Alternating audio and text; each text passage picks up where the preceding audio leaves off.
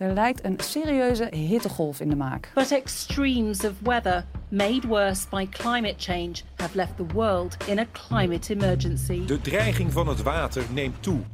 Houden we de voeten nog wel droog bij extreem weer? Six months of record breaking temperatures have fueled massive forest fires in the Siberian Arctic this year. Misschien wordt dit wel de eeuw van de duurzaamheid. In een enorm tempo gaan we van vies en vernietigend naar schoon en planetproof. Zodat er, als je straks 100 bent, ook nog een planeet is waarop het fijn leven is. Op allerlei terreinen zijn daarom transities ingezet. Van landbouw tot luchtvaart en van finance tot verpakkingen. En in al die transities dragen in Holland studenten bij. Wie zijn ze? Wat doen ze? En wat is hun verhaal? En hoe dragen zij bij aan een duurzame toekomst? Op deze vraag krijg je antwoord in deze podcast. Dit zijn de hoofdpersonen. Ik ben Julia van der Kolk en ik studeer Media en Entertainment Management. En het project waar ik mee bezig ben is Happy Soups. Hoi, ik ben Lua Vonk. Ik doe Aeronautical Engineering in Delft en ik doe mee aan het project Aquilo. Ik ben Hilde Ubbink. Ik volg de opleiding Landscape and Environment Management aan de Hogeschool in Holland in Delft. En ik ben bezig met een huisduinenproject waar ik een voedselbos probeer aan te leggen. Mijn naam is Stefan Zwaagman. Ik ben uh, student werktuigbouwkunde in Alkmaar en ik ben bezig met het Stolpenproject. Ik ben Alice van Asseldonk, docent uh, Critical Thinking bij Business Innovation. En dat zit in Diemen. En we beginnen met Julia van Happy Soups. Julia, hoe draag jij bij aan een duurzame toekomst? Ja, ik ben bezig met een uh, project waarbij ik uh, soepen wil laten maken van groentes uh, die bij supermarkten, bij plantages, eigenlijk door of overproductie of doordat ze niet mooi zijn, bijvoorbeeld om in de winkel te liggen. Kromme, kromme komkommers, kromme courgettes. Of um, doordat ze de THT-datum hebben bereikt, worden weggegooid. Die wil ik verwerken tot een uh, soep. En uh, het leuke is dat je dit idee gaat voortzetten. Daar gaan we zo meteen verder over praten. Als we helemaal even teruggaan naar het begin. Hè? Het is namelijk ontstaan samen met een aantal klasgenoten van jou vanuit een project. Kan je vertellen hoe het is ontstaan en wat het oorspronkelijke idee is geweest? Nou, ik ben in een projectgroepje gestopt met klasgenoten nou, die ik eigenlijk niet ken. Uh, allemaal studenten van in Holland, van verschillende locaties. En online hebben we door corona natuurlijk, hebben we online uh, de hele tijd meetings gehad. En hadden we een aantal opdrachtgevers. Haarlem Food Future en Betekenis Economie Noord-Holland. En zij hebben eigenlijk ons de opdracht gegeven om een, ja, een duurzaam concept te bedenken... waarbij we voedselverspilling tegengaan. En jullie zijn uiteindelijk terechtgekomen bij olifantengras. Klopt. Hoe is dat gegaan? Uh, nou, dat was toevallig omdat er ook iemand, uh, een van de opdrachtgevers uh, van Betekenis Economie Noord-Holland, die had Elgra. En dat is weer een bedrijf dat dus olifantsgras in de Haarlemmermeer laat groeien. Want wat is olifantengras voor de mensen die niet weten wat het is? Ja, dat is een duurzaam gewas dat je kan omzetten tot plastic. Oké, okay, en dat wordt gebruikt rondom Schiphol tegen, tegen, om gansenoverlast tegen te gaan, toch? Klopt, ja, onder andere daarvoor. En uh, ja, het is dus heel hoog gras, dus daardoor Ja. houden we dat tegen. En het kan dus eh, verwerkt worden in plastic, dus dan is het een heel duurzaam materiaal natuurlijk. En dus via die kennis zijn jullie bij olifantengras terechtgekomen. En dan moet je nog maar bedenken, ja, laten we maar een keer een beker van maken. Hoe is dat precies gegaan? Ja, dat, was, dat stond niet zo 1, 2, 3 hoor. Nee, we hadden eerst een eh picknickbox. En eh, we hadden eerst ook een beetje met doggybags bezig. Maar dat was ja, uiteindelijk toch niet eh, welke kant we op gingen. Omdat we echt dus ook met het overgebleven voedsel iets wilden doen. En je daar heel goed de soep van kan maken. Op een gegeven moment is de keuze gevallen op een beker. Hoe hebben jullie het toen verder voortgezet? Toen zijn we het gaan ontwerpen, de beker. We zijn nu proberen aan een mal aan het zoeken, zeg maar, om hem dus daadwerkelijk te maken. Want inmiddels is dit project al afgerond, zeg maar het schoolproject. Ja. En, maar ik, vind, ik wil graag wel die bekers nog laten maken. Ehm, dus ja, nou, daar ben ik nu mee bezig. Maar dat Ja. eh, is best wel een productieproces. Het project is afgerond. Ja. Wat was de feedback van de docenten? ja, die was heel positief. Ja, iedereen vond het echt heel erg leuk. En ehm zei ook inderdaad van... Ja, is best wel zonde als dit gewoon alleen maar blijft bij een concept. En dat vond ik ook. En daarom ga jij het doorzetten. Ja, Wat, wat drijft jou om dit project nu door te zitten? Waar- waarom ga je het doen? Nou, wat me, wat me motiveert is ook wel echt het enthousiasme dus inderdaad van mensen. En ehm, dat dat ik ook gewoon, ja, ik zie het gewoon werken, weet je wel. Net als zoals bijvoorbeeld, uh, nou, je hebt hem daar ook al staan, de dopper. Dat is ook zoiets. Ja, al die plastic flesjes die de hele tijd maar gekocht worden en weggegooid. Dat is echt zo belachelijk veel plastic wat door middel van zo'n dopper alleen al gewoon bespaard wordt. En nou, hetzelfde is met zo'n soepbeker. Daarmee kan je ook gewoon heel veel plastic besparen. Ja, dus je, gaat, uh, dus je gaat de soepbeker die ga jij uh, verder ontwikkelen. Hoe ga je dat aanpakken? Nou ja, ik ben zelf niet de techneut die dat kan, zeg maar. Nee, dus je moet sowieso hulp inroepen van mensen die dat ja, wel kunnen. Ja, dus nou ja, ik heb nu gewoon contact dus met Betekenis Economie Noord-Holland en degene van Elgra. En ja, daarmee ga, ben ik bezig om het uit te werken. Vind je het spannend? Ja. en waarom? Ja, omdat je toch, ja, het is iets nieuws en ja, je weet niet hoe het gaat lopen. Nee. Ik vind het heel erg dapper dat je het door gaat zetten en dat, um, dat jouw motivatie is om de wereld net wat mooier te maken. Je gaf net ook al een voorbeeld van soep dat uh, gemaakt wordt van groenten die normaal gesproken weg wordt gegooid. Hoe ziet dat eruit? Nou, er zijn uh, best wel veel supermarkten die. Kijk, sommige supermarkten mogen het niet doen. Uh, omdat ze dan een hogere baas hebben die zegt: ja, wij mogen het niet weggeven. Andere supermarkten hebben meer een soort manager die wat meer daarover mag zeggen. En die, ja, die zijn vaak toch ook dan wel gewoon van ja. Als we het onnodig moeten weggooien, dan kunnen we het net zo goed aan jullie meegeven. Ja. Zodat het dan een mooier doel heeft. En daarbij um, ben ik nu dus zeg maar in Haarlem langs allerlei sociale initiatieven gegaan en langs allerlei buurthuizen. En merk ik dat er heel veel ja, een soort van vraag is naar een ontmoetingsplek. Naar bijvoorbeeld een plek waar mensen uit de buurt samenkomen en gewoon even een kopje thee, een kopje koffie of een kommetje soep kunnen drinken met elkaar. En zo even ja, een contactmoment te hebben. En door zoiets wordt dat zeg maar ook weer gecreëerd. Dus daarom uh, vond ik dat leuk om het bij buurthuizen te doen en zo. Ja, en de reacties zijn positief. Dat kan me ja. voorstellen, want het is één goed voor het milieu. En twee, wat je net al zegt, het zorgt voor samen zijn. Als je nou eens je droomscenario mag omschrijven, hè? Mm -hmm. Dus alles lukt vanaf nu. Ja. Hoe gaat het er dan uitzien voor jou? Ja, het idee wat ik nu helemaal in mijn hoofd heb, wat het mij echt super leuk lijkt, dat is dus om bijvoorbeeld elke zaterdag, elke zaterdagmiddag, dan een ander buurthuis te hebben. En bijvoorbeeld, um, dus elke week een andere maand lang. Stel je voor, je hebt vier plekken in Haarlem. En dan een soort van soeptour te doen door Haarlem. En dat mensen dan uh, die beker de hele tijd meenemen en gewoon langs die buurthuizen gaan. Soepje drinken met elkaar. En zo eigenlijk een soort van wekelijkse ontmoeting met elkaar hebben. Ja, mooi. Wie of wat heb je daarvoor nodig? Ja, de bekers. De bekers, ja. Dus de bekers moeten ontwikkeld worden. En, en qua soep bijvoorbeeld, hoe kom je uiteindelijk terecht in de, in de tehuizen en de plekken waar je je soep wil verkopen? Uh, daar ben ik nu heel veel aan het praten met heel veel mensen eigenlijk. En ja. dat vind ik echt super leuk. Want daardoor, ja, ik leer ook, ik woon zelf ook in Haarlem. Dus ik leer ook heel veel Haarlemmers kennen. En um, ja, is gewoon leuk om overal langs te gaan en dat iedereen zo enthousiast is. En dat iedereen eigenlijk zegt van, ik wil mijn plek ook beschikbaar stellen tot een soepuitgiftepunt. Ja. We staan nu uh, in oktober. Waar hoop je bijvoorbeeld volgende maand al te staan? Wat hoop ja, je dan ik hoop het dan wel inderdaad dat het dan al wel een beetje in zijn werking is. En ik hoef dan natuurlijk nog niet vier plekken te hebben. Maar ik heb er nu al eigenlijk twee waar, ik, uh, ja, waar ze heel erg enthousiast zijn en waar ze het uh, graag willen doen. Dus met alleen al die twee zou het eigenlijk heel erg leuk zijn. Ja. En ik heb ook een hele leuke kok die ook het uh, leuk vindt om te maken.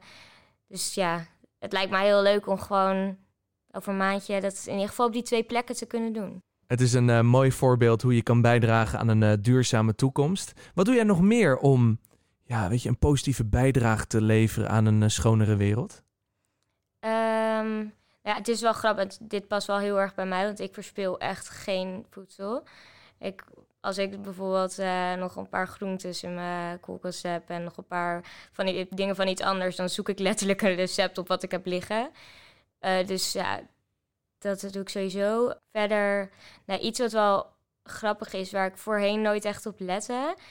En waar ik nu, doordat ik er zo erg mee bezig ben, wel heel erg op let, is bijvoorbeeld dingen scheiden en zo. Gewoon glas, plastic, uh, ja, zodat het dus nog gerecycled kan worden.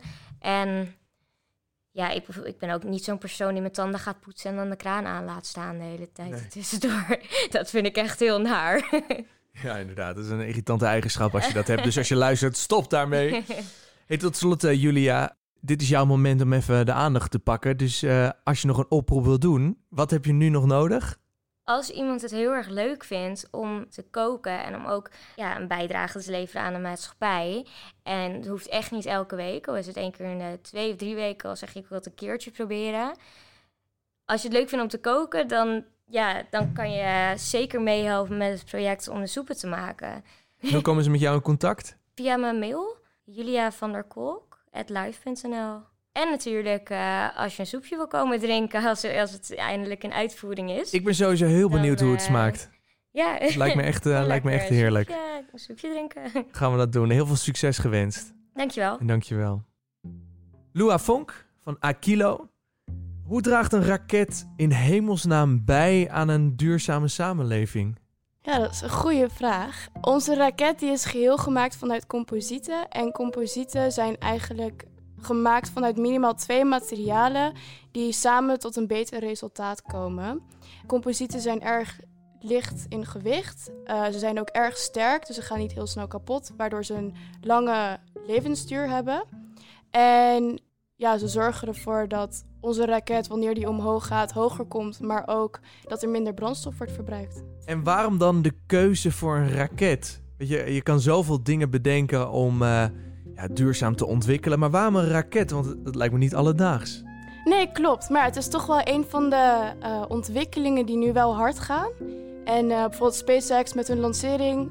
Dus ja, het is wel iets wat nodig is. Ja, we, wij zijn dan wel een heel klein team, maar toch proberen we zo onze bijdrage te leveren. Ja, het is een langlopend project. Ja. Wat hebben jullie extra kunnen toevoegen op de voorgaande ideeën en ontwikkelingen? Waar wij nu gewoon heel erg mee bezig zijn, is uh, nou, de voorgaande raketten die waren dan gemaakt van aluminium. En dat is zwaarder dan composieten zelf. Dus wij zijn nu bezig met echt elk onderdeel van de raket zelf uh, naar composieten te veranderen. Dus ik denk dat dat onze grootste verandering is. En omschrijf eens hoe jullie dan bij elkaar zitten en hoe dat precies gaat. Nou, dat is best wel uh, leuk. We hebben ons team. Ik ben er vorig jaar bijgekomen en uh, nou, toen hadden we gewoon wekelijkse slash tweewekelijkse meetings. Waar we dan bij elkaar kwamen om te brainstormen, nieuwe ideeën erin te gooien. En eigenlijk te kijken wie welk onderdeel van de raket wou doen. En uh, ja, zo zijn we een beetje op het idee gekomen en zo zijn we verder gegaan. Hoe komen jullie aan kennis? Zit er bijvoorbeeld onderzoek bij? Nou, dat is eigenlijk uh, nog steeds wel een uh, uitdaging. Uh, we zijn nu natuurlijk bezig om een nieuwe raket te maken. En daarvoor hebben we nu verschillende teams, op, verschillende groepjes opgezet. Die doen dan onderzoek inderdaad naar de materialen met de kennis die we hebben geleerd vanuit de opleiding zelf. En daarmee proberen we het beste materiaal te vinden. En die past dan bij de raket die wij willen. En dat doen we met hulp van docenten, met hulp van oudere studenten. En zo proberen we daarachter te komen. Ja, het is ook voor onszelf gewoon een beetje zoeken en uitproberen. Ja, want daar kan je natuurlijk weer van leren. Zeker, ja, zeker. En wat is jouw rol in dit geheel? Nee, ik ben... Ik was, vorig jaar was ik gewoon een teamlid. Maar vanaf dit jaar ben ik uh, eigenlijk Head of Structural Department. Dus, uh, mooie titel. ja, zeker. Geen idee wat het betekent, maar dat ga je nu uitleggen waarschijnlijk. ja, klopt. Um, dus eigenlijk leid ik het, de raket zelf van hoe die eruit gaat zien en welke materialen we gebruiken. En uh, dat gedeelte doe ik. Dus bijvoorbeeld hoe we de neuskegel, wat voor materiaal dat wordt, hoe we de topje ervan gaan maken, de buis zelf. En dat doe ik dan natuurlijk wel met behulp van mijn team. Maar uh, in principe zet ik de meetings op en dat soort dingen daarvoor. En ik ben ook Head of Public Relations. Dus ik doe eigenlijk gewoon de social media en ik zorg ervoor dat uh, iedereen up-to-date is met wat we doen. En je doet dus ook podcast-interviews. Ja. En dat doe je hartstikke goed. Wat, wat drijft jou om, om dit te ontwikkelen en om mee te doen aan zo'n project? Is dat, uh, is dat duurzaamheid? Ja, deels ook wel. Ik denk dat nou, eigenlijk de opwarming van de aarde is eigenlijk gewoon een feit op het moment. En we moeten gewoon eigenlijk allemaal ons steentje bijdragen. En ik denk dat dat voor mij ook wel een van de dingen is waarom ik mijn steentje wil bijdragen. Ik wil zelf heel graag de ruimtevaart in, dus zeg maar daarin iets kunnen doen. En ik dacht dat zo'n project is eigenlijk de start voor mij. En als we dan even naar de toekomst gaan, hoe gaat de toekomst van Agilo eruit zien? En we hopen gewoon heel veel meer raketten, meer lanceringen. Ik hoop dat we ook gewoon een raket kunnen maken die hoog gaat, die stabiel is en dat we gewoon geheel op de composieten kunnen richten. Dus eigenlijk gewoon zo duurzaam mogelijk. En heb je enig idee hoeveel tijd dat nog gaat kosten? Dat uh, gaat nog wel een tijdje duren, maar we zijn goed onderweg. Ja, wat is, wat is voor nu de belangrijkste stap die jullie moeten nemen? Ja, ik denk toch wel die switch van aluminium geheel naar composiet. Uh, composiet is relatief nieuw.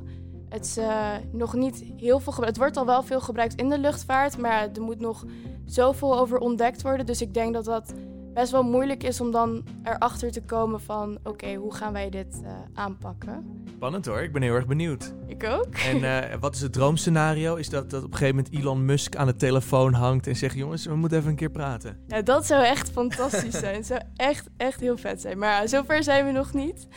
Wie weet.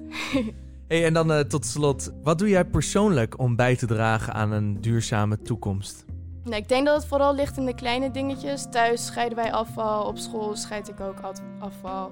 En um, nou, ik probeer vaker de fiets te pakken. Het zijn allemaal van die kleine dingetjes die iedereen wel probeert te doen. En ik denk dat dat de makkelijkste manier ook is om mijn bijdrage te leveren. En dan onder andere meedoen aan zulke soort projecten. En is dit ook het advies dat je wil meegeven aan de luisteraar? Begin eens gewoon met kleine dingen? Ja, begin oprecht met iets kleins. Het zal misschien voor jezelf niet een grote verandering zijn, maar als we dat allemaal doen, dan uh, zullen we echt wel ergens komen. Ja. ja. Alle, alle raketliefhebbers en uh, die ook uh, een hart hebben voor duurzaamheid, hoe kunnen ze jou, jullie project in de gaten houden? Is er een social media pagina of een website waar ze meer kunnen lezen? Jazeker, we hebben onze social media op Insta, akilo.rt. We hebben een website, akilodelft.com. We hebben een Facebookpagina. We hebben volgens mij zelfs een YouTube-pagina. Dus uh, in principe kunnen we overal wel gevolgd worden, ja. Oké, okay, heel goed. Dankjewel. Alsjeblieft. Zei je nou u? ja. Zeg maar jur. Alsjeblieft. Hoe maak je een dorp zelfvoorzienend en volledig duurzaam? Het Noord-Hollandse Huis Duinen gaat ervoor en nodigt de studenten van verschillende opleidingen van in Holland uit om ter plekke mee te werken aan deze ambitie. En een van die studenten is Hilde Ubbink van de opleiding Landscape and Environment Management. Welkom. Dankjewel. Wat uh, is jouw hoogtepunt van het Huis Duinen project tot dusver? Mijn hoogtepunt was toen ik daarheen ging om de omgeving te verkennen en een beetje te praten met de bewoners wat die graag wilden zien. En wat sprak je dan zo aan? Nou, het, is heel, het is een hele nieuwe omgeving. Het is licht aan de zee. Het is nieuw voor mij. Het is, ik heb zoiets nog niet gezien, zo'n omgeving. En daarmee ga je aan de slag. In 2050 moet Huisduinen energie-neutraal zijn. Op welk thema heb jij je gericht? Ik heb me gericht op het voedselbos. Dus voedselvoorziening voor de bewoners en een beetje groen in, in de plek, in de natuur. En hoe pak je dat dan aan? Ja, wij gaan uh, een ontwerp maken en een beheerplan voor een voedselbos. Um, zodat uh, de bewoners daar voedsel kunnen, kunnen krijgen. Op een uh, kleine afstand van de stad. Ja, dus volledig zelfvoorzienend. Ja. Jullie zijn nu aan het begin van het project. Waar sta je nu en wat ben je nu aan het onderzoeken bijvoorbeeld? Ik ben nu bezig met het bezoeken van andere voedselbossen in Nederland. Om te kijken van wat doen die en wat kunnen wij daarvan leren. Dus we zijn uh, op zoek geweest naar voedselbossen die een beetje dezelfde situatie hebben. Dus ook aan de zee. En ook gewoon algemeen voedselbossen bekijken. En wat, wat verschilt er dan bijvoorbeeld met een plek in het midden van het land met Huisduinen? Waar moet je dan rekening mee houden? Ja, Huisduinen ligt aan de zee, dus het is een hele andere grond. Er moet ander voedsel op verbouwd worden. Wat voor voedsel bijvoorbeeld? Nou, voedsel die kan tegen zilte grond, dus uh, zouttolerante soorten. Dingen als duindoorn, en zeekraal en uh, rozenbottel bijvoorbeeld. Laten we even een, een, droomscenario schetsen. Hè? We sluiten onze ogen even, we lopen over het uh, grindpad richting het bos. We lopen naar binnen. Wat zie je dan? Probeer eens te omschrijven wat je dan ziet in jouw ideale leefwereld. Ja, heel veel verschillende dingen. Je ziet allemaal verschillende soorten van verschillende hoogtes. Dus kleine bomen, grote bomen en struiken. Maar ook kruiden en uh, andere planten, bloemen. En het is uh, bijna allemaal eetbaar. Welke kleuren zie je? Ja, veel groen. Wat ruik je? Ja, ruikt planten en uh, ja, de geur van de natuur. Wat is voor jullie nu de, de grootste uitdaging? De grootste uitdaging is uh, het zoeken van voedselbossen en het contact komen van de mensen, zodat we iets meer informatie kunnen krijgen. En weet je al hoe je dat gaat aanpakken? Nou, we hebben nu al met een paar uh, eigenaren van voedselbossen gesproken. Dus die kunnen ons dan rondleiden en nog, nog net iets meer vertellen over het voedselbos. Wat heb je geleerd tot nu toe? Wat je voorheen nog niet wist en wat je echt wel interessant vindt en misschien wel kan meenemen naar de toekomst? Het, het voedselbos is redelijk een nieuw concept. Maar het, het heeft wel echt waarde, denk ik. Want je kan er voedsel eten, je kan er lopen, je kan, er, je kan recreatie gebruiken. Dus het is echt uh, heel gaaf, uh, een heel gaaf project. Wat heeft jou geïnspireerd om mee te doen aan het Huisduinen-project? Om een heel dorp energie-neutraal te maken? Wat spreek je daarin zo aan? Nou, in eerste instantie was het het ontwerpaspect van dit project wat me aansprak. Ik vind het heel leuk om te kijken naar wat moet waar en hoe kan ik een ontwerp maken. En daarna kwam ik ook daar bij die bewoners en die waren ook heel enthousiast. En ook gewoon het idee van een voedselbos waar je heen kan om, om gewoon te eten, dat vond ik heel gaaf. En welke rol speelt je opleiding hierin? Wat leer je op je opleiding wat je meteen kan gebruiken tijdens jouw project? Nou, op mijn opleiding leer je echt heel erg hoe je natuur kan benutten en hoe je beheerplannen kunt schrijven voor natuur. Maar je leert ook hoe de stedelijke omgeving duurzamer kan worden gemaakt. Ja. Dus dit past heel goed uh, binnen onze opleiding, omdat het echt gaat om hoe kunnen we de natuur uh, nuttiger maken. Ja, en onderdeel daarvan is dan het voedselbos. Maar het is niet alleen het voedselbos wat onderdeel is van het Huisduinenproject. Er zijn ook andere projecten. Is, een, is er een ander project waarvan jij zegt, nou, als ik niet voor het voedselbos had gekozen, had ik daarmee wel mee willen doen? Er was één project dat ging over de vitaliteit van ouderen. Dus hoe kun je ervoor zorgen dat ouderen meer kunnen bewegen? En dat vond ik ook wel erg interessant. Het, het leuke is dat er allerlei verschillende opleidingen samenwerken. Hè? Nou jij gaat bezig met landscape en environment management, dus het ontwikkelen van het bos. Andere opleidingen zijn dus weer bezig met ouderen. Wat leer jij van andere opleidingen, wat jij weer kan meenemen in de ontwikkeling van het project? Wat ik leer van andere opleidingen is dat ze een heel ander beeld hebben. We hebben een challenge gedaan, het koffiefilter challenge. En dat ging erover dat je een andere uh, functie moest zoeken voor een koffiefilter. En iedereen had een andere insteek. De, de exactere studenten die denken, ja, we kunnen het gebruiken als zout, zoutfilter. En een van mijn medestudenten die dacht, ja, we kunnen het gebruiken als, uh, als alternatieve bloempot. Mhm. En iedereen heeft dus een heel ander beeld van de wereld. Ja. Is dat lastig ook soms?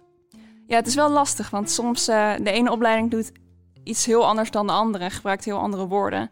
Dus je moet wel een soort van betere communicatie kunnen vinden. Ja, lijkt me ook wel heel erg leuke uitdagingen. Het is heel leuk. Ja, absoluut. Wanneer kunnen de bewoners van Huisduinen genieten van het, uh, van het bos? Ik kan het niet exact zeggen, want wij zijn nu dus nog, nog bezig met, met het ontwerp en het beheer. En daarna moet ik nog aangeplant worden. Mm dus het, ik hoop dat het er uiteindelijk snel gaat komen. 2050 waarschijnlijk dus.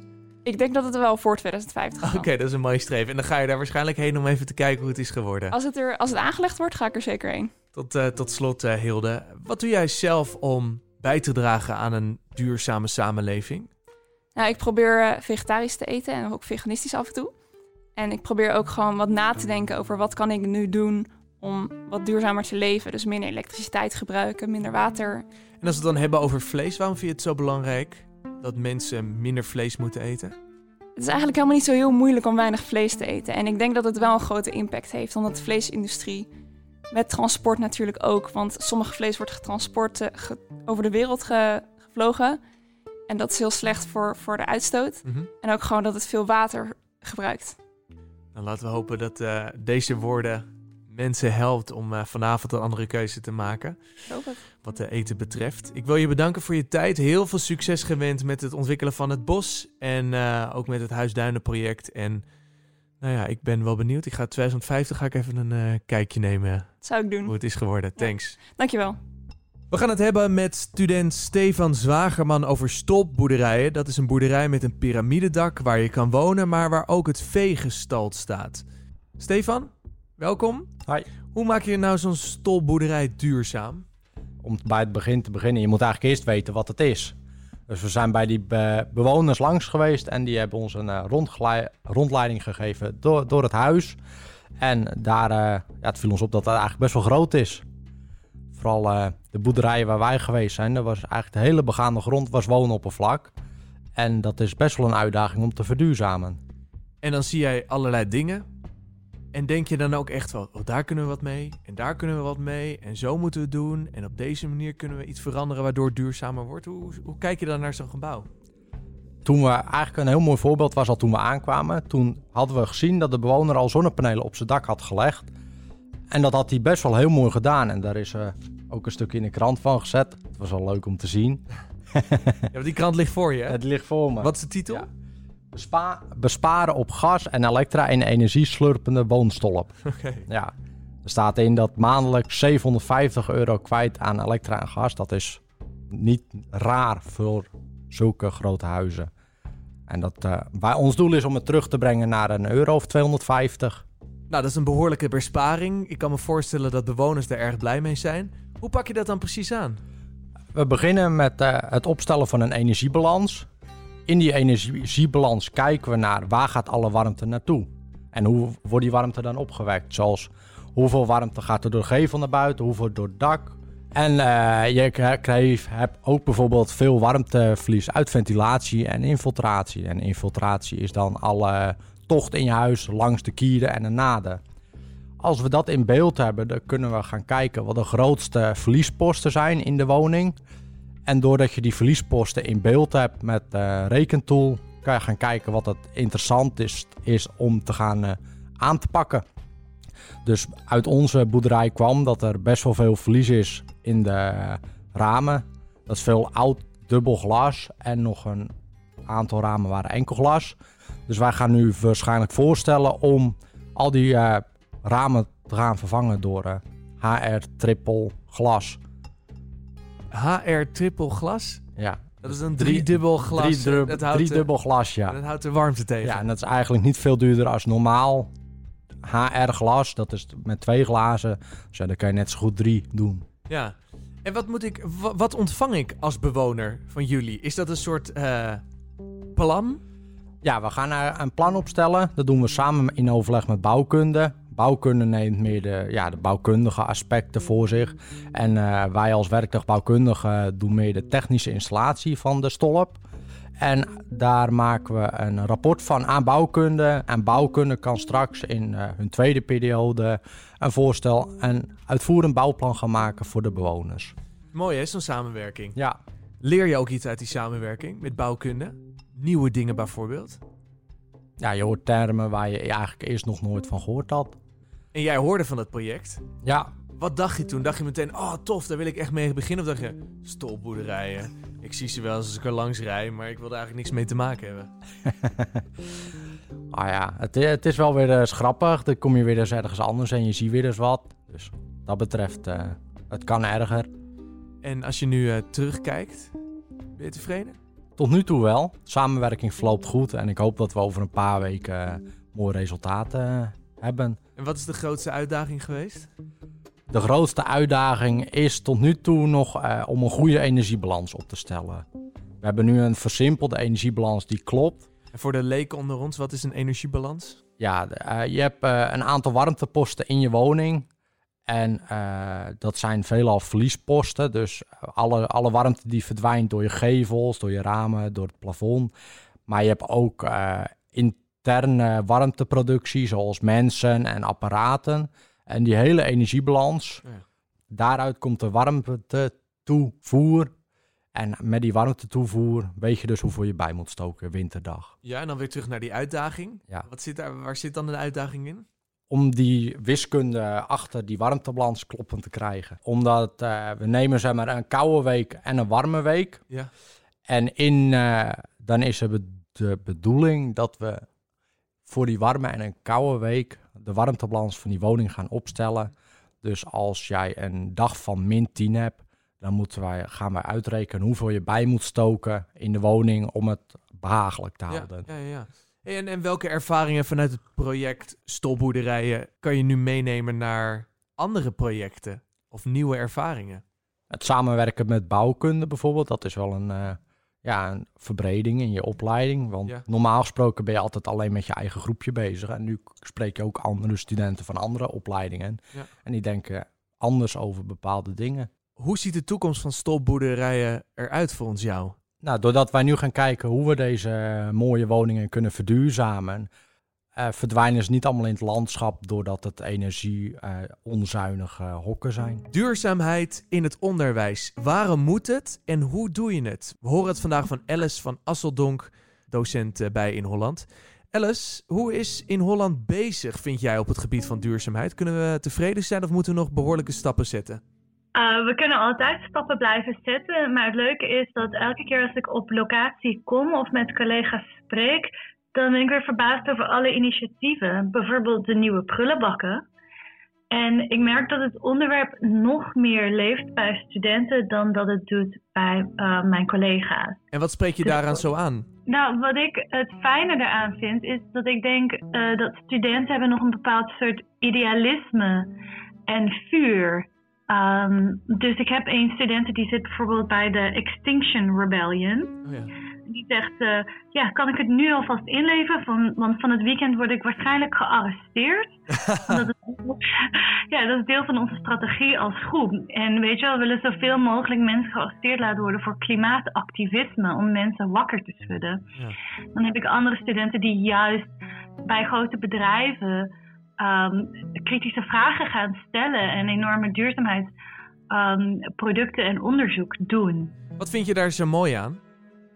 Dat dit gebeurt? Het is niet per se dat ik het mooi vind, maar ik denk dat het belangrijk is. Als ik bijvoorbeeld kijk naar de grondstoffen die er nog zijn en het wordt allemaal bijgehouden, we hebben een grondstoffendatabank, dan denk ik, we hebben geen tijd meer te verliezen. Ja.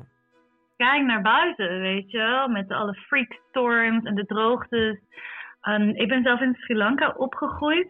Mijn ouders doen ontwikkelingswerk. En als ik dus hoor bijvoorbeeld over hoe de situatie in Kenia is met de Maasai. Dat zijn nomadische stammen en ze vechten nu al om waterbronnen.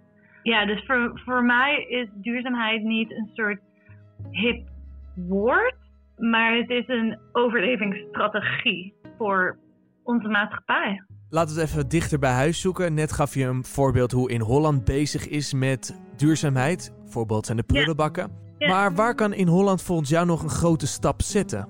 Ik denk dat in Holland met de bouw van een nieuwe campus aan de IJ bijvoorbeeld een klimaatneutraal gebouw zou kunnen afleveren. Dat zou enorm interessant zijn. Ik denk dat de labs hier ook een rol in uh, kunnen spelen. En de Nederlandse overheid wil compleet circulair zijn qua economie in 2050 of zo, Ja. of 2030. En daarvoor is de overheid nu ook aan het kijken naar wat voor opleiding moeten studenten daarvoor uh, krijgen. Dus bijvoorbeeld alle MBO's in de bouw worden al omgevormd. Dus ik denk dat in Holland ook een belangrijke stap kan zetten met naar het kijken naar een eigen curricula. Ja, en, en welke rol kan jij als docent hierin spelen?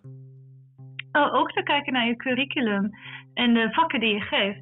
Dus uh, ik heb al docenten gehoord die bijvoorbeeld bij finance lesgeven en die enorm bezig staan met impact reporting en integrated cost. Mhm. Want heel veel kosten staan niet in de boekjes. Dus uh, ja, het loont zeg maar om te vervuilen. En dat is een beweging waar we van af willen.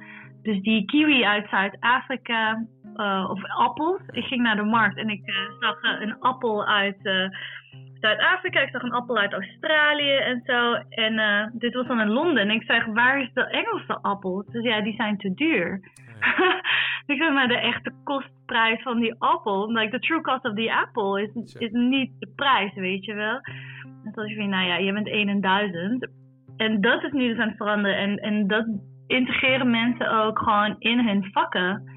Dus door je up-to-date te zetten over wat is circulaire economie eigenlijk.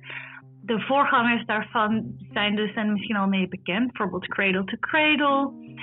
Of je hebt een soort van de Earth Stewardship Movement. Dat begon in de jaren 70. Um, er zijn constant mensen die eigenlijk hetzelfde zeggen. Ecologen en, uh, en biologen. Mhm. En ook economische uh, denkers. Dus eigenlijk om een beetje um, van het gebaande pad af te gaan. En, uh, en te kijken naar misschien wat meer radicale filosofen. En, en hen toe te passen. Maar het is iets wat alle opleidingen raakt. Dus ook toerisme, ook facility management. Ja. En het is ook economisch. Het is niet alleen ecologisch. Het is ook cultuur. Het is ook de verhalen die we elkaar vertellen.